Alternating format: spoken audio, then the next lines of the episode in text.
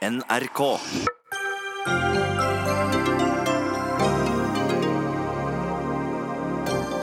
Høyrepopulistene fosser fram i Tyskland, men stemmer de 13 for AFD eller mot Merkel og sosialdemokratene? Valget i Tyskland betyr noe for hele Europa. Hvorfor gikk fem millioner skattekroner til å holde liv i Moods of Norway-butikker i Los Angeles og Florida, når alle piler pekte nedover? Kristelig Folkeparti er et frastøtende partinavn, sier tidligere Vårt Land-direktør, og mener tiden er inne for et navneskifte. Vil det virkelig løse KrFs problemer å sminke brura, spør vi.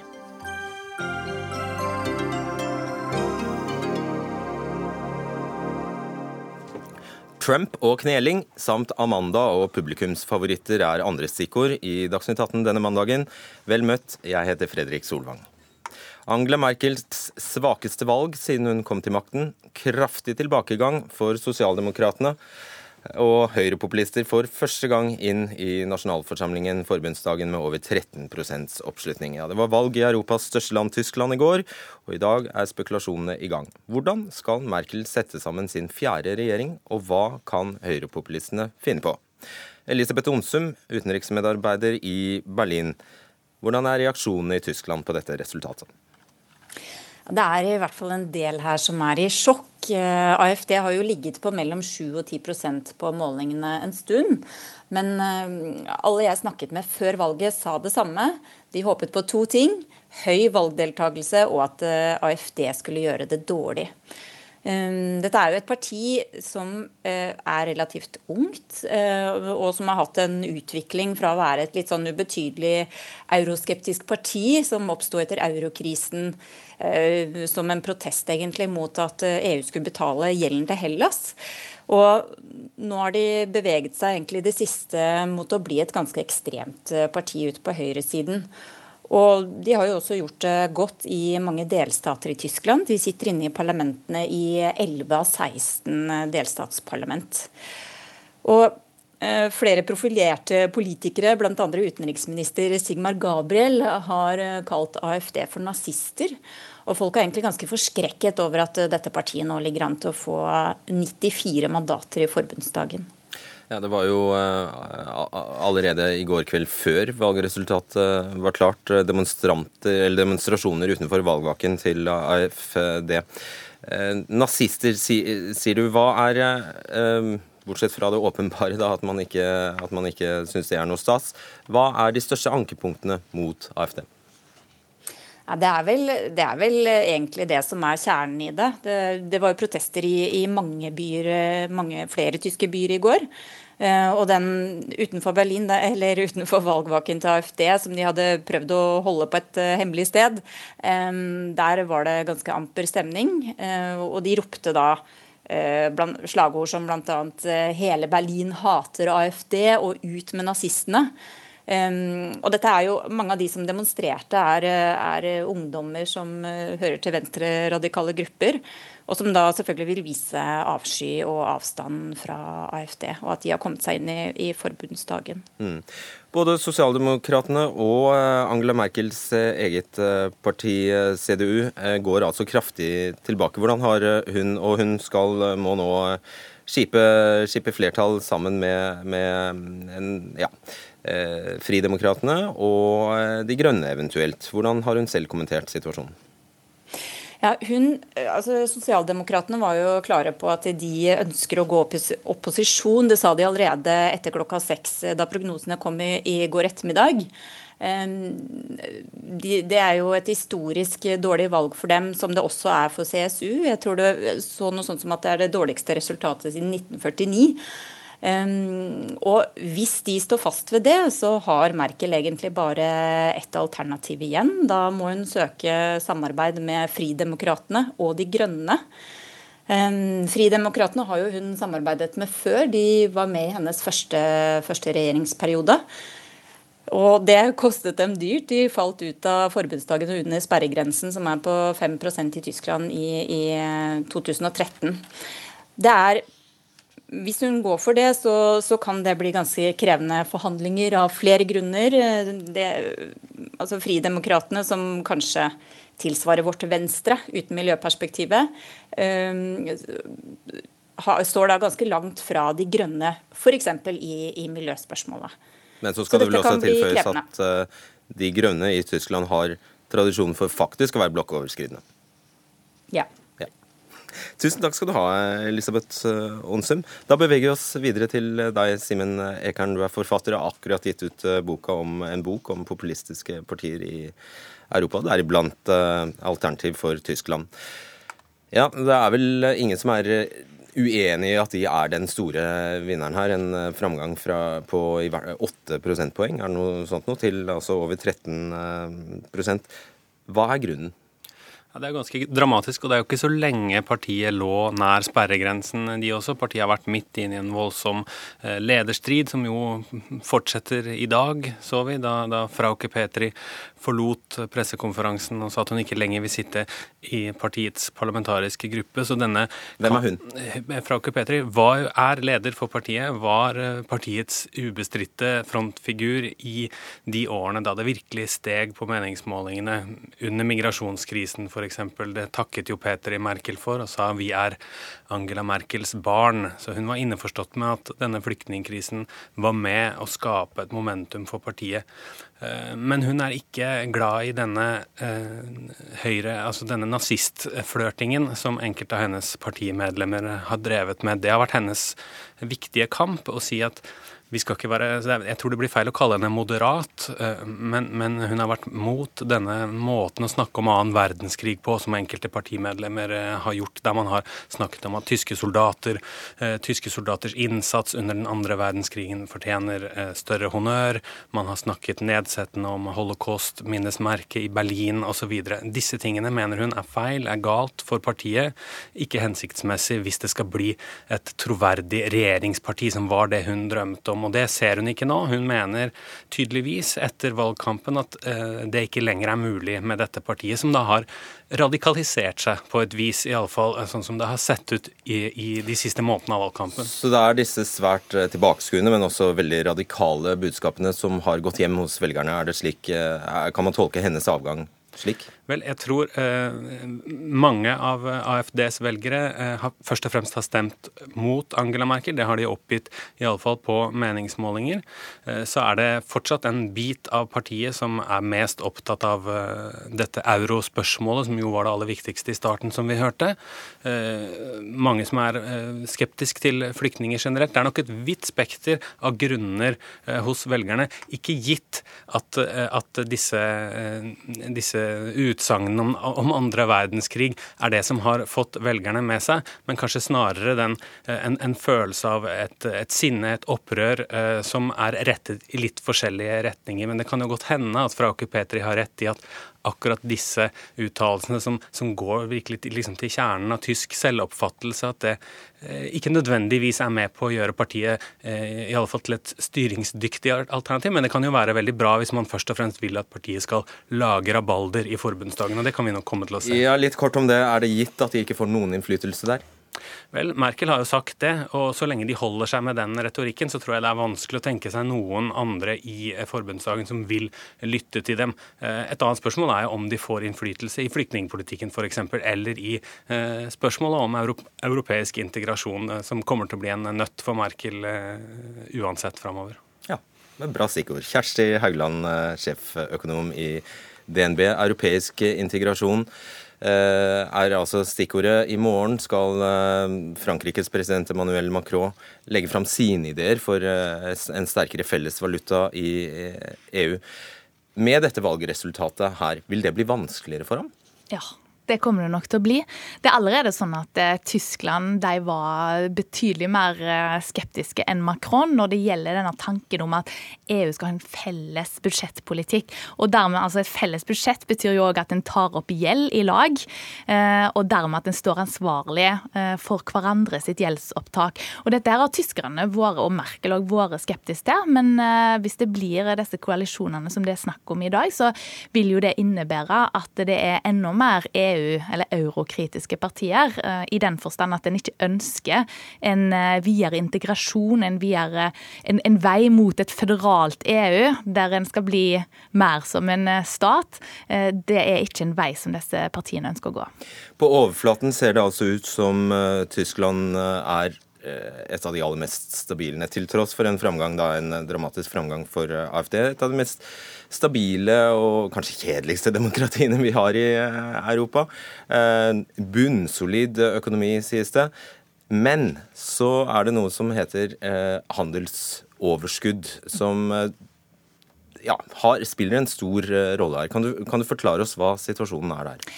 Situasjonen er det at Tyskland i veldig lang tid, og ikke minst i tida etter finanskrisa, eh, har eh, eksportert mye mer ut av landet enn det de har importert.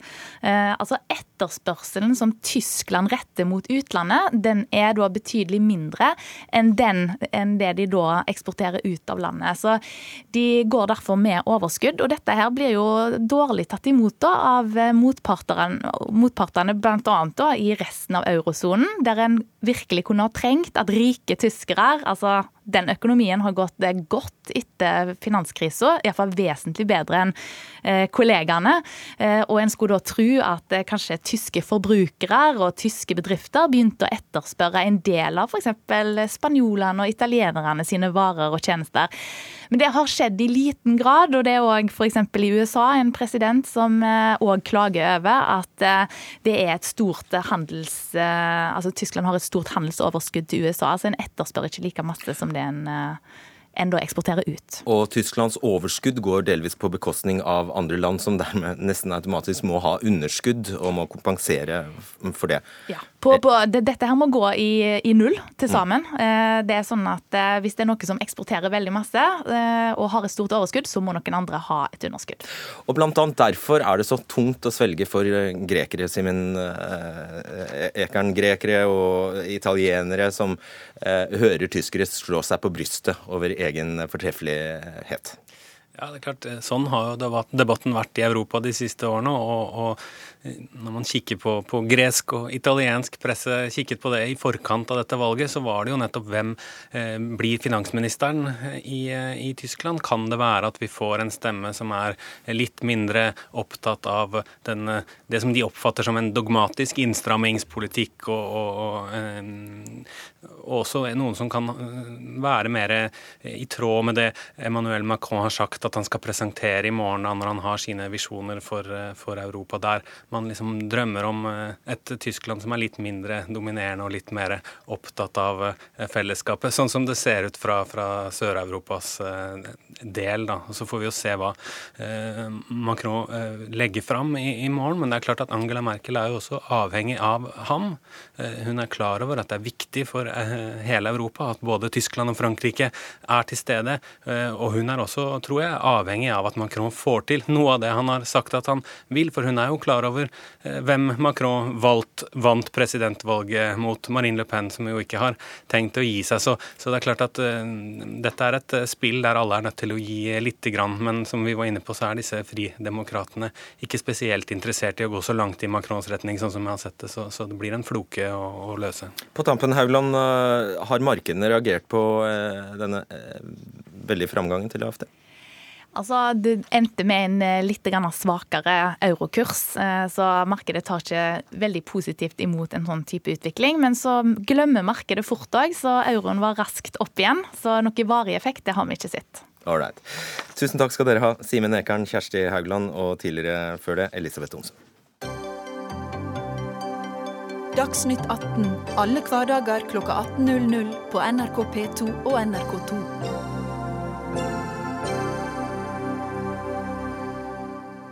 I forrige uke gikk Moods of Norway konkurs. Og det skjedde bare et halvt år etter at det statlige Innovasjon Norge ga kleskonsernet fra Stryn et lån på 5 millioner kroner. Totalt har Innovasjon Norge bidratt med 11 millioner kroner i løpet av de 14 årene kleseventyret varte. Og I samme periode har eierne tatt ut 70 millioner i utbytte. Men hvorfor går Innovasjon Norge inn med våre skattepenger i et 14 år gammelt selskap med butikk i Beverly Hills med blodrøde bøker. Mona Skaret, du er direktør for vekstbedrifter og klynger i Innovasjon Norge. Du skulle ha vært med oss i studio her, men vi har deg med på telefon. Det er vi glad for. Dere ga et såkalt risikolån, risikolån til Moods of Norway i februar. Og ifølge egne statutter skulle dette, eller ifølge brevet, så skulle dette risikolånet gå til kapitalstyrking og drift. Hvor i deres egne retningslinjer står det at uh, det er et vilkår uh, Eller er det et vilkår i retningslinjene deres at slike lån skal gå til lønnsomme prosjekter? Det som er vår hovedoppgave, uh, vi har egentlig et tredelt mandat. Det ene vi skal gjøre, er å få fram flere gode gründere. Det andre vi skal gjøre, er å sikre at vi får til vekstselskaper i Norge som kommer seg ut av det andre blodbadet, nemlig det å klare å skalere og lykkes i et internasjonalt marked. Og det tredje er å jobbe med klynger og nettverk. Så helt klart er dette innenfor vårt mandat å gi risikoavlastning til selskaper som er i en sånn type vekstfase. Så, mente de i, så dere mente de var i vekst da dette skjedde?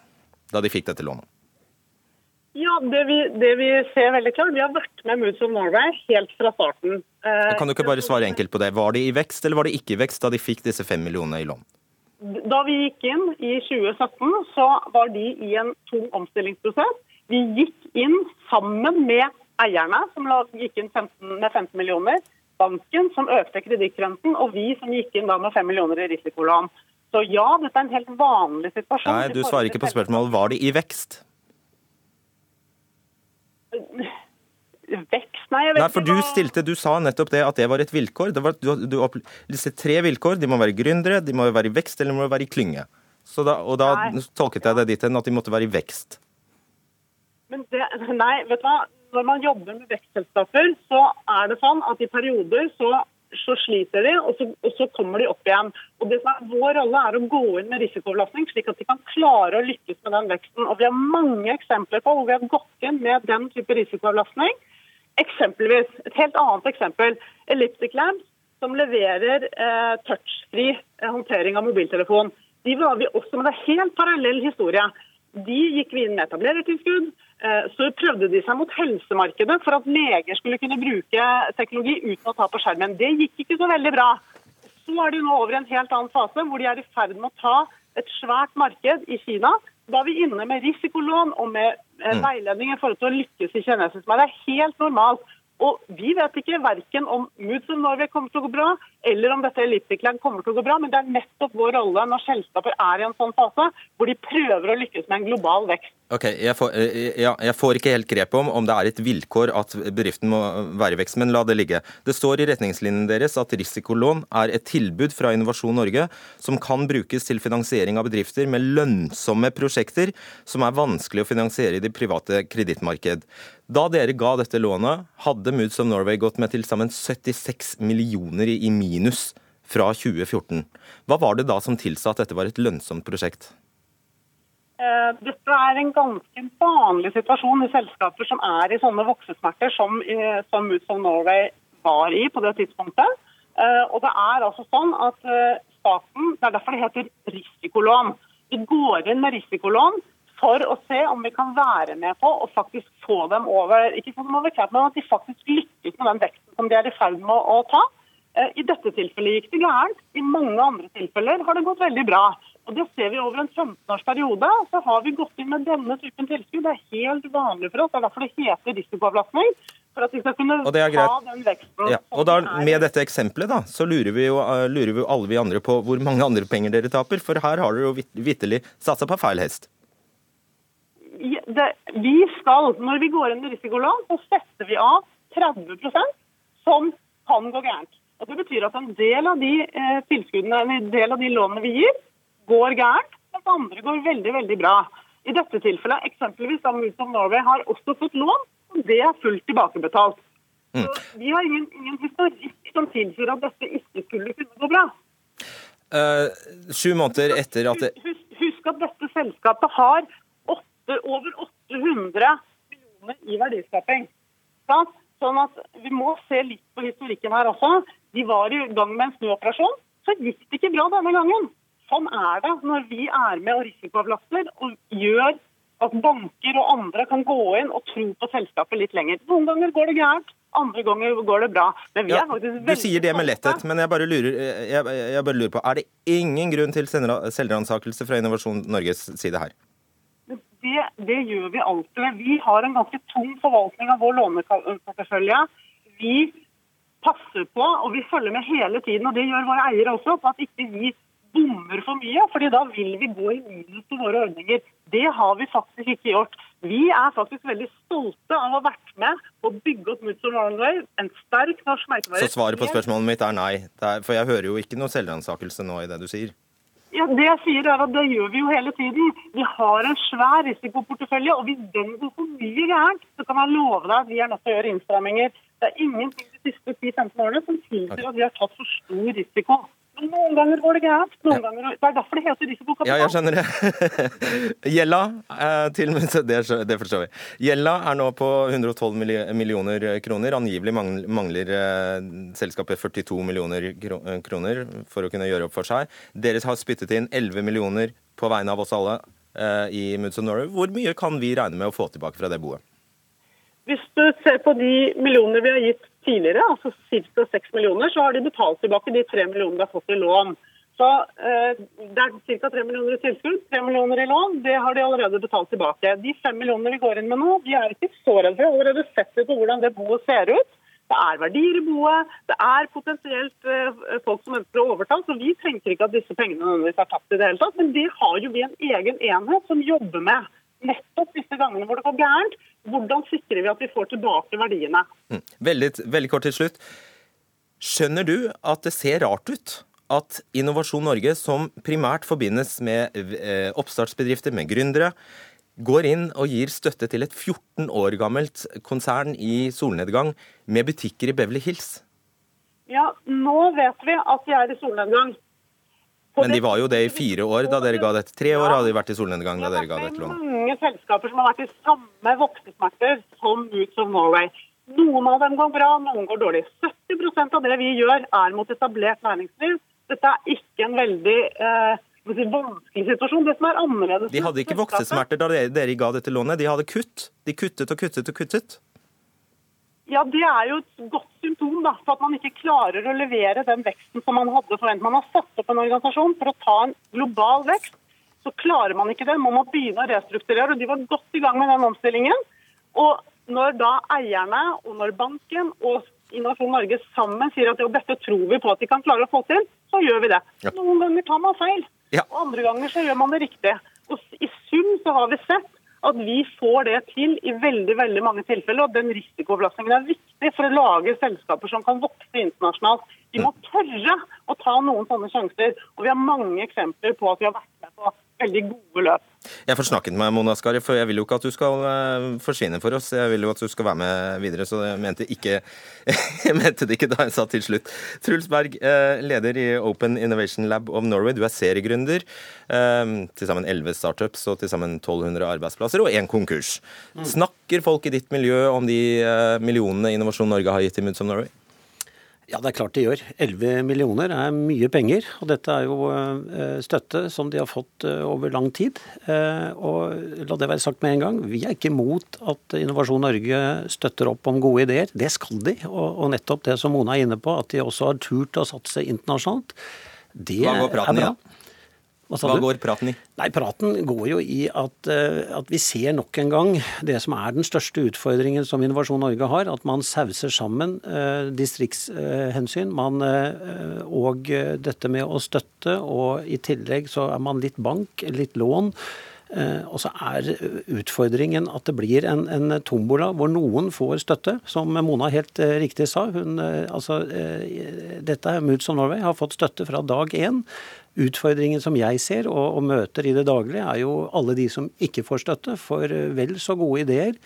Eh, Og det er litt av, eh, av si, årsakskomplekset her. Det handler ikke bare om mote, det handler litt om en motkultur også. Når du sier tombola, så skjønner jeg jo at du mener det er en slags betinget tombola, hvis det er noe som heter det. For du mener også det lønner seg å holde seg inne med Innovasjon Norge? Ja, det, eh, altså, det, det, er, det, er ingen hemmelighet i, i, i bransjen at eh, det er dyrt og det er eh, litt, eh, litt farlig å si for mye om dette. Så det er mange som snakker litt i det skjulte, og, og som trekker seg litt unna, og, og ikke egentlig ønsker å Eh, å bringe til torgs dette med at uh, Innovasjon Norge i større grad burde egentlig uh, hva skal si, gjøre det enklere for alle gründere og alle vekst... Vi kan jo ikke gi penger til absolutt alle? Nei, men det handler ikke så mye om det. Det handler mye mer om å støtte de vilkårene som gjør at flere ønsker å investere i startups. Jeg er helt enig i, i, Mona at man av og til må tåle å gå på trynet. og Det er også et faktum at i Norge så går tre av fire startups eh, på trynet i løpet av de første fem årene. Og Det er ikke galt i seg selv, men, men utfordringen er jo at man velger å plukke noen få vinnere eh, i for stor grad. Og det går på bekostning av alle de som sitter med vel så gode ideer, som eh, da dessverre får nei. Svar veldig kort på det at eh, denne ja, denne favoriseringen av f.eks. Moods of Norway som det oppfattes eh, jeg sier ikke at det har vært det, som, denne, som det oppfattes som at det går på bekostning av andre som hadde fortjent pengene mer? Dette er relativt enkelt å svare på. Det starter ca. 60 000 selskaper i Norge hvert eneste år. Vi er inne i omtrent 1800 av dem. Så ja, det er helt klart en ganske sterk seleksjon. De aller fleste gründerselskapene de klarer seg uten risikoavlastning fra Innovasjon Norge, fordi potensialet ikke er stort nok, eller fordi man ikke skal gå inn med offentlig risikoavlastning. Eh, og Så kan man diskutere om vi skal drive med andre ting enn gründere eller ikke. Det er en helt annen diskusjon. Vi har et tredelt mandat. Vi skal jobbe med gründere. Vi jobber med, Det viser veldig listene over de beste gründerne. Der har vi nesten alltid vært inne. Så Jeg er ikke så veldig bekymret for at vi velger så mye gærent, men det er klart vi velger knallhardt. Fra 60 000 så er det altså 1800 av de vi er inne i. Og Det er en veldig liten prosentandel. Så selvfølgelig de aller fleste får ikke ja fra Innovasjon Norge. Sånn er det. Du skal få komme til, Trulsberg. Truls Jeg skal bare introdusere tredjemann. Det er Tor W. Andreassen, professor i innovasjon og entreprenørskap ved Norges handelshøyskole. Skulle Innovasjon Norge i det hele tatt gitt penger til et 14 år gammelt uh, selskap med butikk på Rodeo Drive? Ja. Jeg tror For meg er ikke det viktigste hvor gammelt selskapet er, men hvor innovativ er den ideen og det forslaget som de ber om penger til fra Innovasjon Norge og andre lovgivere. Så Når svaret mitt er nei, så er det ikke pga. hva de har gjort, men pga forutsetningene for, for, det de har gjort. Altså det, det, var åpenbart for de fleste som var og tittet på og fulgte selskapet, at dette var et selskap som var opp som en løve og nå var på vei ned som en, en fell. Og I dette bildet så, så går det långiver inn, bl.a. Innovasjon Norge, og gir penger til det i en håp, bønn og tro på at dette vil gå godt. Enkel er ikke det nobelt, da? Jo, det var det nobelt, men uh, det er andre som driver uh, Røde Kors-virksomhet. Men det som er mitt poeng her, det er at uh, dette forløpet som dette selskapet har hatt, er klassisk fra forskningen om innovasjon, entreprenørskap og virksomheter. Og det, er, det vi ser at Bedrifter som har hatt en voldsomt sterk stigning, så begynner å falle. Bare 6 av disse klarer å reise seg igjen. Og I dette bildet så velger man å gå inn da med et beløp. Det er ikke særlig stort, men man velger å gå inn vel vitende om at dette er mer enn høy risiko. Da vil jeg spørre deg, selv om eh, jeg har forstått på Innovasjon Norge at de helst ikke vil snakke om det, så spør jeg deg, hvordan klinger det i dine ører at eh, eierne tok ut så eh, mye som altså 70, nei 60 millioner i utbytte før 2012, omtrent samtidig som de fikk disse 6 millionene? Ja, nå gikk jo de inn med 15 millioner i denne refinansieringen så da i februar, og, og ære verdi for det. Men ja, allikevel så er det Dette var inntrykk som danner seg altså, for, for, en del av oss, som at uh, det er en form for grådighet. altså det, Vi snakker nå om tidsintervallet rundt 2010 til 2013-2014, hvor da de har tatt ut da, som du sa, 70 millioner kroner. Og Det er en periode hvor det begynner å ringe i en del klokker om at dette selskapet nå begynner å gå nedover populariteten. Dette selskapet begynner å miste sitt grep på kundene. Den entusiasmen rundt merkenavnet begynner å vannes ut. Da går de inn med en selskapskonstruksjon, de går inn da med en uttak i utbytte. De velger da en, en utbytte som da blir kapitalbeskattet mye mindre enn på arbeidskraft. Så Det inntrykket som danner seg, det er at her er det som Wall Street, greed is good and it works. De har tømt selskapet når de egentlig burde ha puttet enda mer penger i det. Da er det fremdeles håp. Og det er her jeg skal si at Vi har vært i kontakt med styreleder Flo og medeier Stålnakke. Ingen av dem ville stille i Dagsnytt 18. Truls Bakke, du, ja, du skal få komme til. Bare to, to sekunder. Truls Berg, du nikker. Ja, altså, jeg er jo enig i kommentarene fra, fra Tor Wallin her. og, og eh, altså, Utfordringen er jo at Moods of Norway La oss ikke glemme det. Eh, Innovasjon Norge har et poeng her. altså Moods of Norway var jo et friskt pust. De fikk mm. til mange ting. Eh, de turte å satse. Det var litt unorskt over det. Så, så, midt oppi at det nå dessverre har gått på trynet, så, og det kanskje var litt fordi man ble blendet av sin egen suksess og ikke helt fikk til fornyelsen godt nok, så, så, skal vi jo ikke glemme det. Men, men min, eh, min, eh, påstand er at dette er dessverre nok et eksempel på at man velger seg noen favoritter i for stor grad, og kanskje i litt for liten grad er opptatt av å gjøre noe med vekstvilkårene for norsk privat kapital f.eks., som jeg mener burde vært en Innovasjon Norge-oppgave. Mona Skari, dere leser jo regnskapene, så dere visste veldig godt hvor mye de hadde tatt i utbytte? Det, det, gjør vi absolutt. Nå er det ganske sånn vår, Vi ønsker å lage selskaper som er lønnsomme. Eh, og Dette utbyttet har de da fått tatt ut i en periode fram til 2012, hvor selskapet går ganske bra. Jeg, jeg håper i hvert fall at eh, både eh, Truls Berg og Tor Andresen er opptatt av det samme, nemlig at vi får fram lønnsomme selskaper. Og Det at gründere tar ut utbytte av selskaper som går bra, det tror jeg ikke skal overraske noen. Derfor at å si at vi da etter en ganske lang pause med dette selskapet går inn med et lån. La meg si det, Dette er ikke et tilskudd, dette er et lån. Det er vanligvis penger som man da får tilbake igjen. Eh, det er også en ganske viktig forskjell. Altså, fordi at disse pengene her, og det har vi sett i vår portefølje ja, Nå diskuterer vi jo fornuften i å gi det lånet, da. Ja, men, men, men, det er ganske stor forskjell på å dele ut gratis statlige penger. da, som man da høres ut som man skal holde Ikke hvis boet er tomt, så er jo, går det ut for akkurat det samme. Men vi, altså jeg, jeg, tror ikke vi skal sitte og diskutere hvordan så egentlig det prosjektet ut, hvordan så egentlig settingen ut. Hvilken omstilling var det i gang med? Var det grunn til å tro på det? Var det grunn for eierne og banken til å tro på det? Vi velger jo da å se på det, se på realiteten i prosjektet og se kan man få til denne snuoperasjonen som de var i gang med, sånn at de kan fortsette med en vekst eller ikke. Så, det, det er blind tro på det?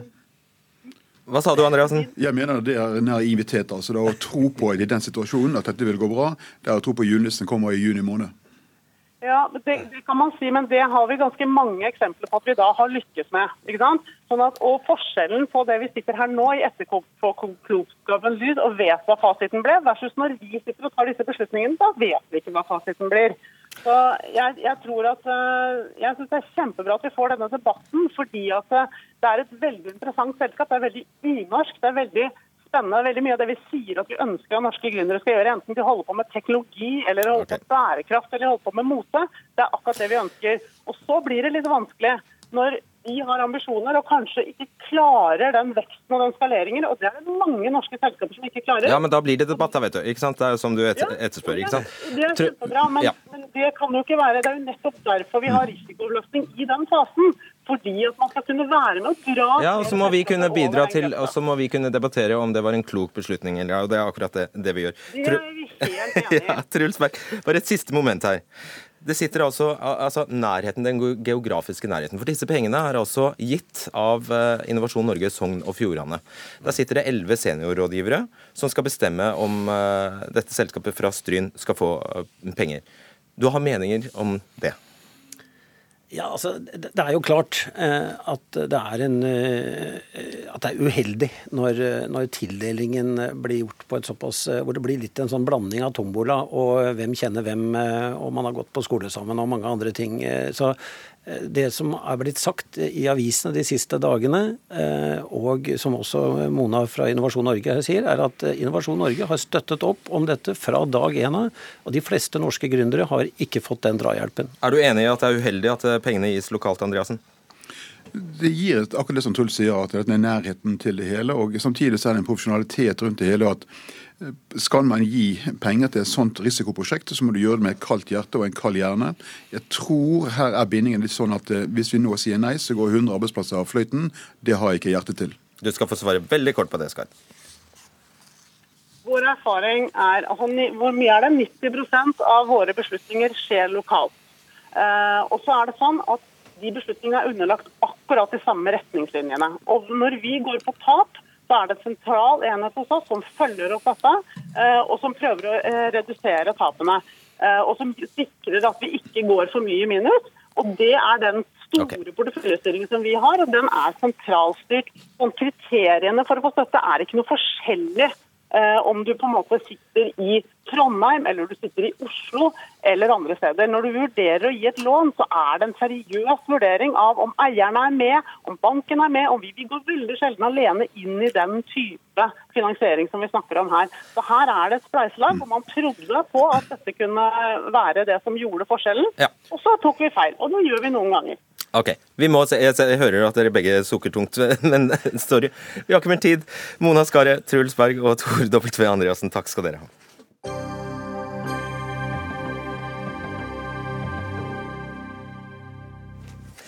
To uker har gått siden stortingsvalget, hvor KrF kavet seg over sperregrensa med minimal margin. Over tid daler velgeroppslutningen til partiet. Kan problemet til partiet være så enkelt som at eh, det er navnet det er noe galt med? Ja, sier du Helge Simones, skribent og forfatter nå. Og du skriver altså i Dagsavisen i dag at Kristelig Folkeparti er et unnskyld uttrykket, frastøtende partinavn. Det må du forklare. Ja, jeg mener at, uh, at navnet er ikke det eneste problemet til KrF. Eh, men det er mye bra ved politikken til KrF. Det La meg understreke det. Uh, men når jeg sier at det er et frastøtende navn, så opplever jeg at at eh, det er mange som eh, vender seg bort og ikke tenker engang på å stemme på KrF, selv om de kan være ganske enige i politikken. Det viser bl.a. noe av eh, valgomattestene og utsagn på det. Og nummer to er at strekk trykket i, i, det såkalte kristenfolket det er blitt så stort at det er ingen automatikk lenger at en, eh, at en stemmer på, på, KrF, og at uh, i enkelte kretser så er også KrF blitt et uh, frastøtende på den måten. Altså ikke i betydningen av, avskyelig, men Nei, nei. Var, ikke avskyelig. Men, Nei, det var greit å ha det. Tror, det tror vi alle, men det skyver folket fra seg, og det er noe av poenget med et politisk parti, at det skal trekke folk til seg i stedet for å skyve fra. Men jeg regner med du har et at, at, det er en dypere Altså at du har, du har et uh, ytterligere budskap her. For du, uh, det, du, du, mener vel ikke oppriktig at det vil hjelpe å bare bytte navn? Nei da. Uh, men jeg tror at det vil hjelpe ganske mye, fordi at mange har et ganske anstrengt følelsesmessig forhold til, til KrF. Det er opp gjennom tidene så har jeg møtt så mange mennesker som syns det er så gærent at et parti skal ta monopol på kristennavnet og hva som er kristen politikk. Og det er masse sånne mekanismer som slår ut i, i møte med KrF. Ida Lindtveit, leder for KrFU. Hva har dere å tape? ja, det kan vi jo spørre om. Jeg tror, eh, ikke, jeg tror vi må ha mange gode innspill på hva KrF skal gjøre. Vi har et eh, dårlig valgresultat. Jeg tror kanskje ikke stedet å begynne er eh, navnet. Eh, nettopp fordi vi har hatt både gode og dårlige valg, eh, som Kristelig Folkeparti. Eh, og ikke minst fordi at partiet bygger på den kristendemokratiske logien. Skulle man tenke seg da et alternativt navn, så ville jeg tenkt typ Kristendemokratene. Noe som de fleste partier rundt omkring i Europa ja, Men det er jo som, kristenbiten Simene ja, sier er frastøtende. Nettopp. Og derfor så kommer du liksom ikke noe vei. Jeg tror ikke at det hjelper å bytte partinavn. nettopp fordi vi er et kristendemokratisk parti, så skal også partinavnet synliggjøre hva slags ideologi vi bygger på. Jeg syns også egentlig Kristelig Folkeparti viser det godt, at vi er et parti for alle, og at vi bygger på de kristne verdiene. Men det er jo feil oppfatning Ina, når du sier at det er et uh, folkeparti for alle. For det er jo ikke det. Det oppnår en oppslutning på ca. 4 Og jeg ser jo selvfølgelig at det er djupt fornærmende hvis du kommer bort til en person og sier at jeg syns at du har en profil som gjør at du bør skifte navn. Og når han sier det om et parti også, så er det selvfølgelig vanskelig. Og spesielt vanskelig er det internt, fordi at eh, så mye av identiteten hos dere som jobber i partiet, er knytta også opp til navnet. Men jeg vil likevel si at eh, det kan ha noe å tjene på det. Og jeg vil understreke at det er ikke risikofritt å bare å sitte stille i båten nå. Det er enkelte som tenker at det er risikofritt, men det er forbundet med veldig høy risiko, slik som utviklinga har vært de siste årene. Nevn de tre viktigste sakene til KrF, er du snill. Jo, det er nettopp menneskeverd, forvalteransvar og nestekjærlighet. Det er de tre grunnverdiene som partiet bygger sin partipolitikk på. Nei, de er ikke utelukkende kristne heller. Det er universelle verdier, men de er hentet fra det kristne budskapet. Det er de kristne grunnverdiene som partiet bygger på. Men så sier man her at det er frastøtende. Nei, jeg tror ikke det. I KrFU f.eks. så har vi flere flere både fylkesledere og aktive KrFU-ere som ikke er kristne, men de kjenner seg veldig igjen i de grunnverdiene som partiet bygger sin politikk på, ønsker å stå for de. Eh, så jeg tror at det er andre utfordringer når du sier at navnet er frastøtende, så tror jeg ikke det går på navnet. Jeg tror på, det går på profilen. At man ikke ser på Kristelig Folkeparti som et styringsparti, som et av de store partiene lenger, sånn som vi var i 97 og 2001, da flere stemte på oss. Så jeg tror at man må tilbake ja. dit på profilen, men okay. ikke skifte navn. Det er jo nesten Simen, du er en klok mann, og du vet jo at det vil ikke hjelpe å sminke brura. Bare ett eksempel. Ja, ikke sant. Det, det, det, vet jeg du ikke Det vet jeg du vet. Jeg, jeg, så på partiprogrammet i dag, og så søkte jeg på ordene kristen, kristne, kristelig, kristendom. De ordene er nevnt 72 ganger i partiprogrammet. Gud er nevnt seks ganger, og Bibel fem ganger. Du måtte ha skrevet om hele partiprogrammet hvis det skulle vært substans i et sånt, eller, eller konsekvens i et sånt forslag. Nei, fordi at eh, den som jobber med, merke, med branding og merkenavn, de vet at det veldig mye er knytta opp til fortida. Og navnet er noe av det som eh, assosieres selvfølgelig med partiet. Og når de har opplevd leieting leie ting i forhold til det, så tas det med i merkenavnet og gjør at du nesten så uaktuelt for noen å ikke nærme seg partiet. Selv om, de, selv om de kunne vært ganske enige i politikken. Og jeg, jeg tenker at Arbeiderpartiet vil ikke, Vi vet alle tilknytning Arbeiderpartiet har til fagbevegelsens, men du sier ikke fagbevegelsens folkeparti eh, for det. Det er en, noen eksempel på at du har klart å, gjøre, å via ut eh, grunnlaget ved å skifte navn. Og eh, egentlig Rødt er jo et eksempel på det. At eh, kommunisme solgte dårlig.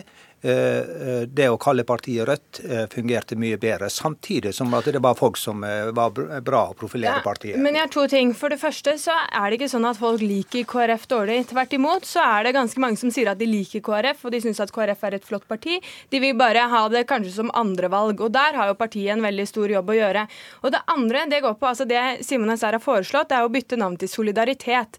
Det vil jeg advare sterkt mot, fordi at ja, solidaritet det går bare inn på en bitte liten del av det kristendemokratisk ideologi står for. Og det er i tillegg et ord okay. som eh, har ganske store tilknytninger til, til venstresiden ja. i norsk politikk. Sånn at Derfor så mener jeg at den kristendemokratiske ideologien er grunnlaget for eh, KrF, og derfor så symboliserer også navnet det på en god måte. Det var det vi rakk. Takk skal dere ha.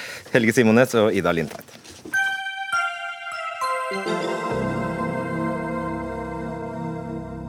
For nå USA og den harde konflikten mellom presidenten og amerikansk fotball.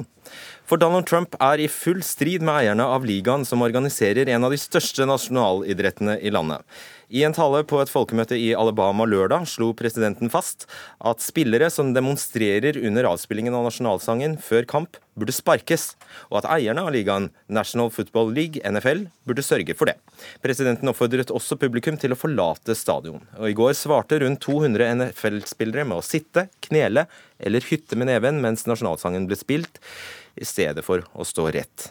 Lisa Cooper, medlem av Democrats Abroad Norge. Altså Bakgrunnen for disse protestene, altså disse veldig profilerte fotballspillernes protester, eh, startet i fjor. Eh, og Da handlet det om særlig politiets behandling av minoriteter i landet. Kan du først forklare oss hvor viktig er amerikansk fotball som idrett i USA? Jeg tror eh, amerikansk fotball er kanskje like viktig som American apple pie. Og så Man må også forstå at søndager er en sånn heldig dag i fotballsesong. Alle har sin eget lag som de heier på. Superbowl, vi alle vet hvor fullstendig bananas det er. Um, vi er dessverre en, en, type samfunn som elsker og har helter som er moviestjerner og, og, og professionelle fotballspillere. Og han Kaepernick uh, i seg selv er en veldig spennende spiller. Um, akkurat i, i de, de, dagene vi, hvor vi finner oss i en rasemotsetning som takk til en president som virkelig har fyrt den opp. Her kommer en, en mann som er halvhvit, halvsvart, eh, eh, søker etter sin egen identitet og ble så rasende i fjor på, på det som har skjedd med gutter med svart, uh, svart, hud som har blitt uh, drept av politimannen. Og han egentlig protesterte tror jeg, tre ganger før noen sa det. og så plutselig så har vi kommet til den stadium hvor president av uh, USA concede Han sa det en, enda verre enn det du turte å si. Jeg vet ikke om jeg får lov å, si, å gjenta det på, ja, Du må gjerne gjøre det på engelsk. Ja. på, på, engelsk. Men når han kan si you know, you should fire the son of a bitch. Det der går ikke. Det har vi aldri sett. Men uh, akkurat som Så vanskelig å oversette Sanna bitch. Ja, det, det, det, tror jeg vi skal holde oss litt unna. Uh, men, men, men, men, da sier jo presidenten at hallo, dette har jo ikke noe med rase å gjøre. Ja, han sier mye rart punktumfinalen. Og så, og så tror jeg vi, kom, vi, er i en fase hvor vi må egentlig slutte å bli overrasket uh, over det som Trump sier. Han har vist oss hvem han var. Han startet sin uh, politiske karriere med birtherism. Ved å, you know, så han har en rasistisk undertone. La oss bare ikke Respekt for landet, sier Trump. Ja, det, det, var en, det peneste protest jeg har sett. For meg, hvis du går på knærne, det er uh, akkurat som vi snakket om litt i, i the, the, backroom, det er akkurat det du gjør når du skal uh, fri til noen. Uh, det, det, han visste ikke fingeren, han visste ikke rumpa, han sa ikke noe stygg. det var veldig fredelig og rolig. Og så går vi tilbake. Charlottesville. Hva skjedde der? Hvite menn som holdt en torch, som skrek 'jøder vil aldri erstattes'. La oss snakke om hva slags protest som er eh, godkjent. Halvard Notaker, du er historiker. NFL-sjef Roger Goodell sier, eller Goodell kanskje, sier at eh, Trumps uttalelser eh, er splittende. Kommentarer som dette viser en manglende respekt overfor NFL, vårt herlige spill og våre eh, spillere. Det viser også en manglende evne til å forstå hvilken overveldende kraft klubbene og spillerne våre har i samfunnet. Sitat slutt. Hvordan vurderer du dette at Donald Trump nå blander seg inn i egentlig det som er et privat handling, styringen av helt private selskaper? Ja, fordi hvis vi, hvis vi, godtok det som Donald Trump eh, så så nødt til å skrive enda mer om på Twitter i dag, hvor han skrev at dette har ikke noe med rase å gjøre, som, det er absurd, men vi kan, hvis vi godtar det som premiss, så er det altså sånn at den øverste valgte politiske representanten i et stort land eh, forsøker å bølle seg fram til at en privat bedrift, eller et stort eh, konglomerat av bedrifter skal legge visse restriksjoner på hva de ansatte skal få lov til å si i offentligheten om hva det er å være amerikansk. Det skal altså presidenten presse private selskaper til å lage regler for. Det er jo helt ellevilt, ikke sant. Og det, det, det hvis, vi, hvis, vi, tar vekk rase, så står vi igjen med det. Det er jo sånn som man blir mindre overrasket over fra Russland eller noe sånt. Nå. Og Hvis vi da for et øyeblikk eh, forsøker å sette oss eh, inn i hvordan denne, dette ser ut fra Trump og hans tilhengeres eh, side, hvorfor velger han å gå løs på akkurat NFL? Hva, hva har han å tjene på det? Nei, da må vi først må vi liksom slutte å anta at Trump har en stor plan med alt. For en, en del av dette går på hans magefølelse, kanskje litt mer enn en del også.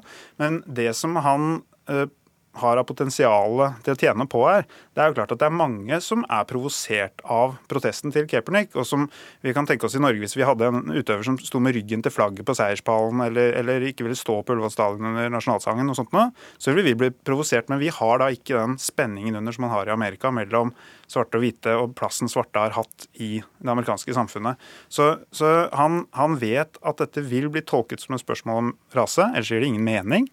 Og da vet han også at han mobiliserer alle som syns det er for mye snakk om borgerrettigheter hele tiden. Og det er derfor Dette kommer jo aldri til å lande på en eller annen, med en eller annen enighet. Dette er dypt splittende. Det fins rundt fotballstadionene. Og nå har han helt egenhendig klart å presse det inn i fotballen så det ikke lenger handler om Colin Kaepernick. Men kan man ikke snu på det? Hvem var det som startet her? Var det Trump, virkelig? Han har startet noe annet. Kaepernick eh, startet selvfølgelig med Kaepernick sin protest, hvor han sto på kne, sånn som Martin Luther King gjorde eh, i 60-årene. Og, og, og alle skjønner at ikke det er et frieri? Er en, nei, nei ikke sant? det er litt sånn eh, ikke sant? Det Men det, det, man kan si om å stå på kne, er at det er jo en måte å vise det motsatte av aggresjon. Det er en måte å vise ikke-vold og å være stillferdig, bøye nakken til og med, så viser man altså en, den, det ypperste av en ikke-voldelig protest. Og, og, det er liksom nøkkelen her. Og så går Trump inn da, ikke noe på den ene side, på den annen side, sånn som i Charlottesville. Men bare går rett i strupen på hele systemet. Ja. George Gooding, vi, du er mediekritiker og er med, er med oss på telefonen. Da, vi snakket med deg før sending, og da sa du at noe av det Trump kritiserer fotballspillerne for, er usaklig, mens noe er også saklig. Hva mener du med det? Nå viser det seg at uh, meningsmålinger uh, viser at uh, flertallet av amerikanere støtter Trump på at spillerne ikke burde drive med dette her på fotballbanen. og den, den, protesten de, de, gjør på banen, er altså dette her med politiets behandling av minoriteter. og her skylder Kepernik f.eks. Han skylder på hele landet for enkelte politifolk sine handlinger. Og det er det mange som mener eh, ikke holder mål. Deler du denne oppfatningen av Eller hvorfor, hva, hva er din formening om hvorfor tidspunkt her? Hvorfor gjør Trump det nå? Trump uh, sliter med alt mulig. Han er jo den tåpeligste presidenten USA har hatt. Og han har ikke noe uh, å vise for hans presidentperiode så langt. Han sliter med støtte på Nord-Korea og helsereformen. Og hans tidligere rådgiver Steve Bannon har jo skrytt av hvordan de stadig klarer å lure demokratene ut på glattisen med sånne kulturkriger som dette her. Og her har jo Trump flertallet av eh, befolkningen på sin side. Og så går mm. demokratene rett i fella nok en gang. Og da vil jeg, Lisa Cooper, hvem vinner denne ja, kultur... er det en ja, Kall det hva du vil. Hvem vinner? Nei, det er en godt spørsmål. Jeg tror eh, jeg eh, begynner å bli litt redd hva som skal skje nest. Eh, hva blir neste trinn? Jeg er redd for en massebevegelse. Jeg, når du sa alle spillerne som gikk arm i arm og liksom en lenke, og, det, var, det var sterkt å se. Men vi har en president som er helt fullstendig ute av kontroll. Den la en order. Retorikken som republikaner elsker, er, er skremmende. Og veldig kort til slutt, selvfølgelig føyer dette seg inn i en lang eh, Dette handler om borgerrettighet. Eh, det er jo det dypeste såret i Det begynner med klisjé å si det, men det blir aktuelt ofte for tida. Dette er det dypeste såret i amerikansk historie. Og svaret på hvem som vinner, er at det er jo ingen som vinner så lenge de ikke de klarer å komme nærmere hverandre. Og nå er det sånn at presidenten har istedenfor å prøve å vise veien ut av dette og gi et eller annet håp om hvor man kanskje kan finne sammen, så bare kliner han til og sørger for å gjøre det mye verre, få alle til å krangle mye høyere. og på en arena hvor de ikke har gjort det så mye før. Lise Cooper, Halvard Notaker og George Gooding, takk. Hør Dagsnytt 18 når du vil.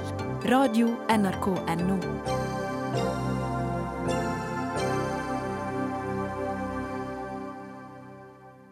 Skaperne bak den kritikerroste filmen 'Thelma' har besluttet å boikotte neste Amanda-prisutdeling. Produsentene av filmen og regissør Joakim Trier protesterer mot det de mener er en altfor eh, stor vekt på publikumsappell for å vinne den gjeveste prisen, beste kinofilm. Amanda-juryens leder Erlend Lo og flere av juryens medlemmer har allerede vært ute og kritisert jurykriteriene, f.eks. her i Dagsnytt 18 tidligere denne måneden. Men nå tar du dette enda lenger, Thomas eh, Ropsam, produsent i produksjonsselskapet Motlys. Og boikottet er drastisk. Hvorfor gjør dere det? Nei, eh, Vi føler vel at vi ikke har kommet nådd frem eh, helt med de tidligere utspillene. For det var jo sånn at omtrent halve produsentstanden også sendte inn et brev om dette, og, eller formidlet dette i form av lesebrev. da. Og jeg føler at liksom vi trenger en skikkelig debatt om det i bransjen. Og da er det noen av oss som går ut uh, nå og sier at vi mener alvor. Og det har ingenting, overhodet ingenting å gjøre med Oslo 31.8, som i sin tid altså ikke ble nominert til Amanda for beste norske kinofilm, som du også var involvert i, og som Joakim Trier regisserte?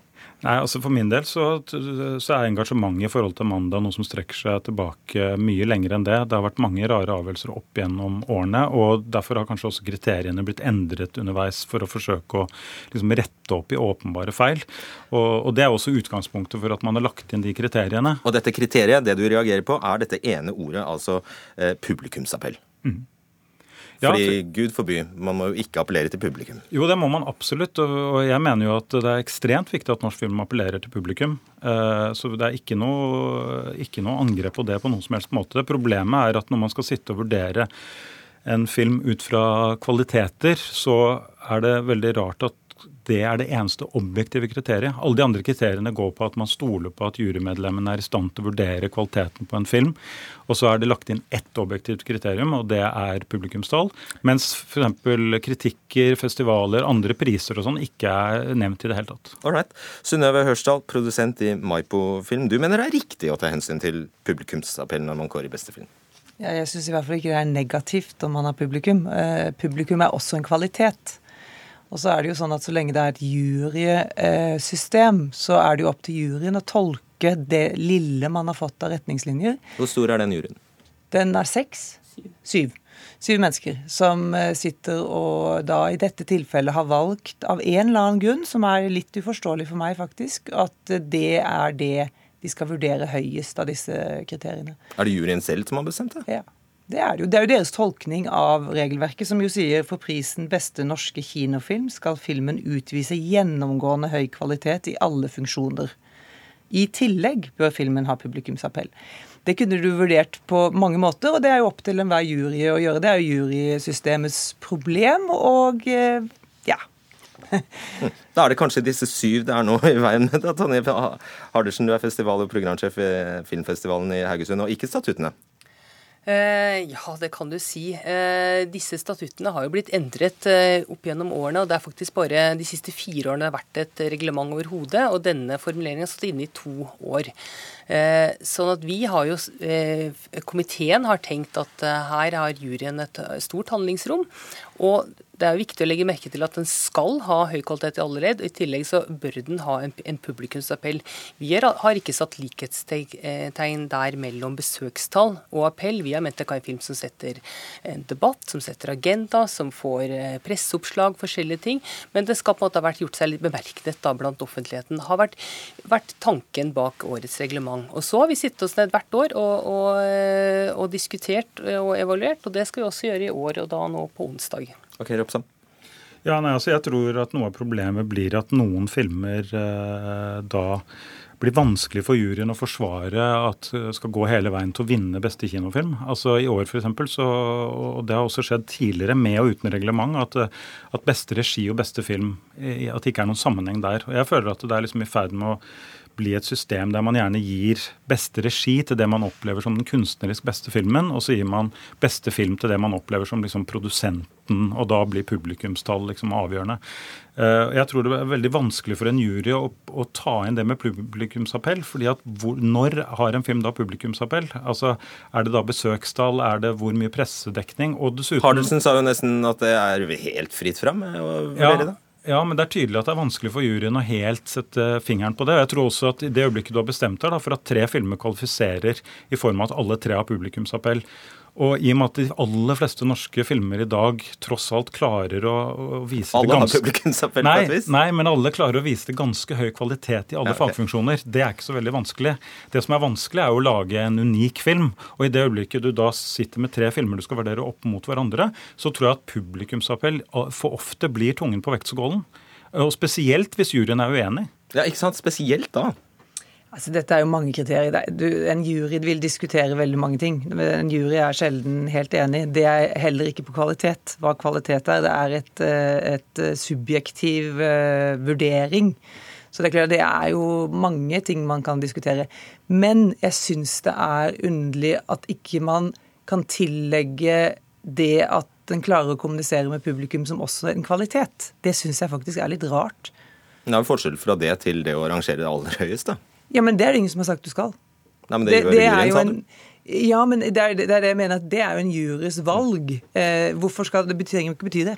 Kunne ikke dere ha gått inn og sagt at eh, det skal i hvert fall ikke være det viktigste kriteriet?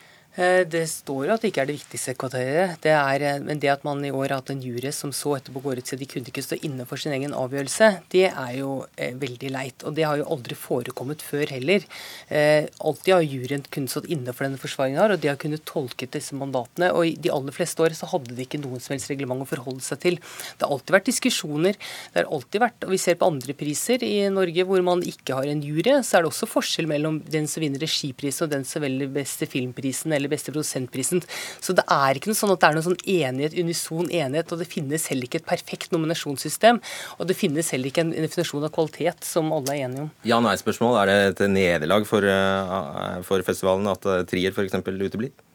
Det vil være veldig leit hvis, eh, hvis produsenter boikotter eh, filmer fordi at de er uenige med reglementet. Det, det syns jeg er fryktelig leit. Men som sagt, vi har ikke diskutert eh, reglementet for 2018 ennå. Men, men boikott er jo et, et, et litt Kraftigere oppsam, kraftig virkemiddel. Kraftigere virkemiddel finner du kanskje ikke. Bare helt til slutt, det, Pleier det empirisk å være sammenheng mellom markedsføringsbudsjettet og publikumsappell? da? Ja, altså, ikke sant? Hvis Thelma for eksempel, da, som er ute nå, var basert på et folkeeventyr eller en bok av Jo Nesbø, så hadde vi jo fått uh, et forsprang på publikum. Da hadde vi hatt større appell i seg selv. Så det er klart at det at filmer uh, og da snakker jeg ikke egentlig om Thelma, jeg snakker om masse andre filmer som kommer nå fremover, som var i Toronto, som uh, har åpenbare kvaliteter, men som kommer til å slite veldig med å kunne bli valgt til årets film. Så kan nesten kjøpe deg til publikum. Til en viss grad. Ja. Ok. Det var det vi rakk. Takk skal dere ha, Thomas Ropsam, Tonje Haraldsen og Synnøve Hørsdal. Dagsnytt 18 er over for denne gang. Det var Dag Dørum, Eli Kyrkjebø og Fredrik Solvang som var ansvarlig. Takk for nå.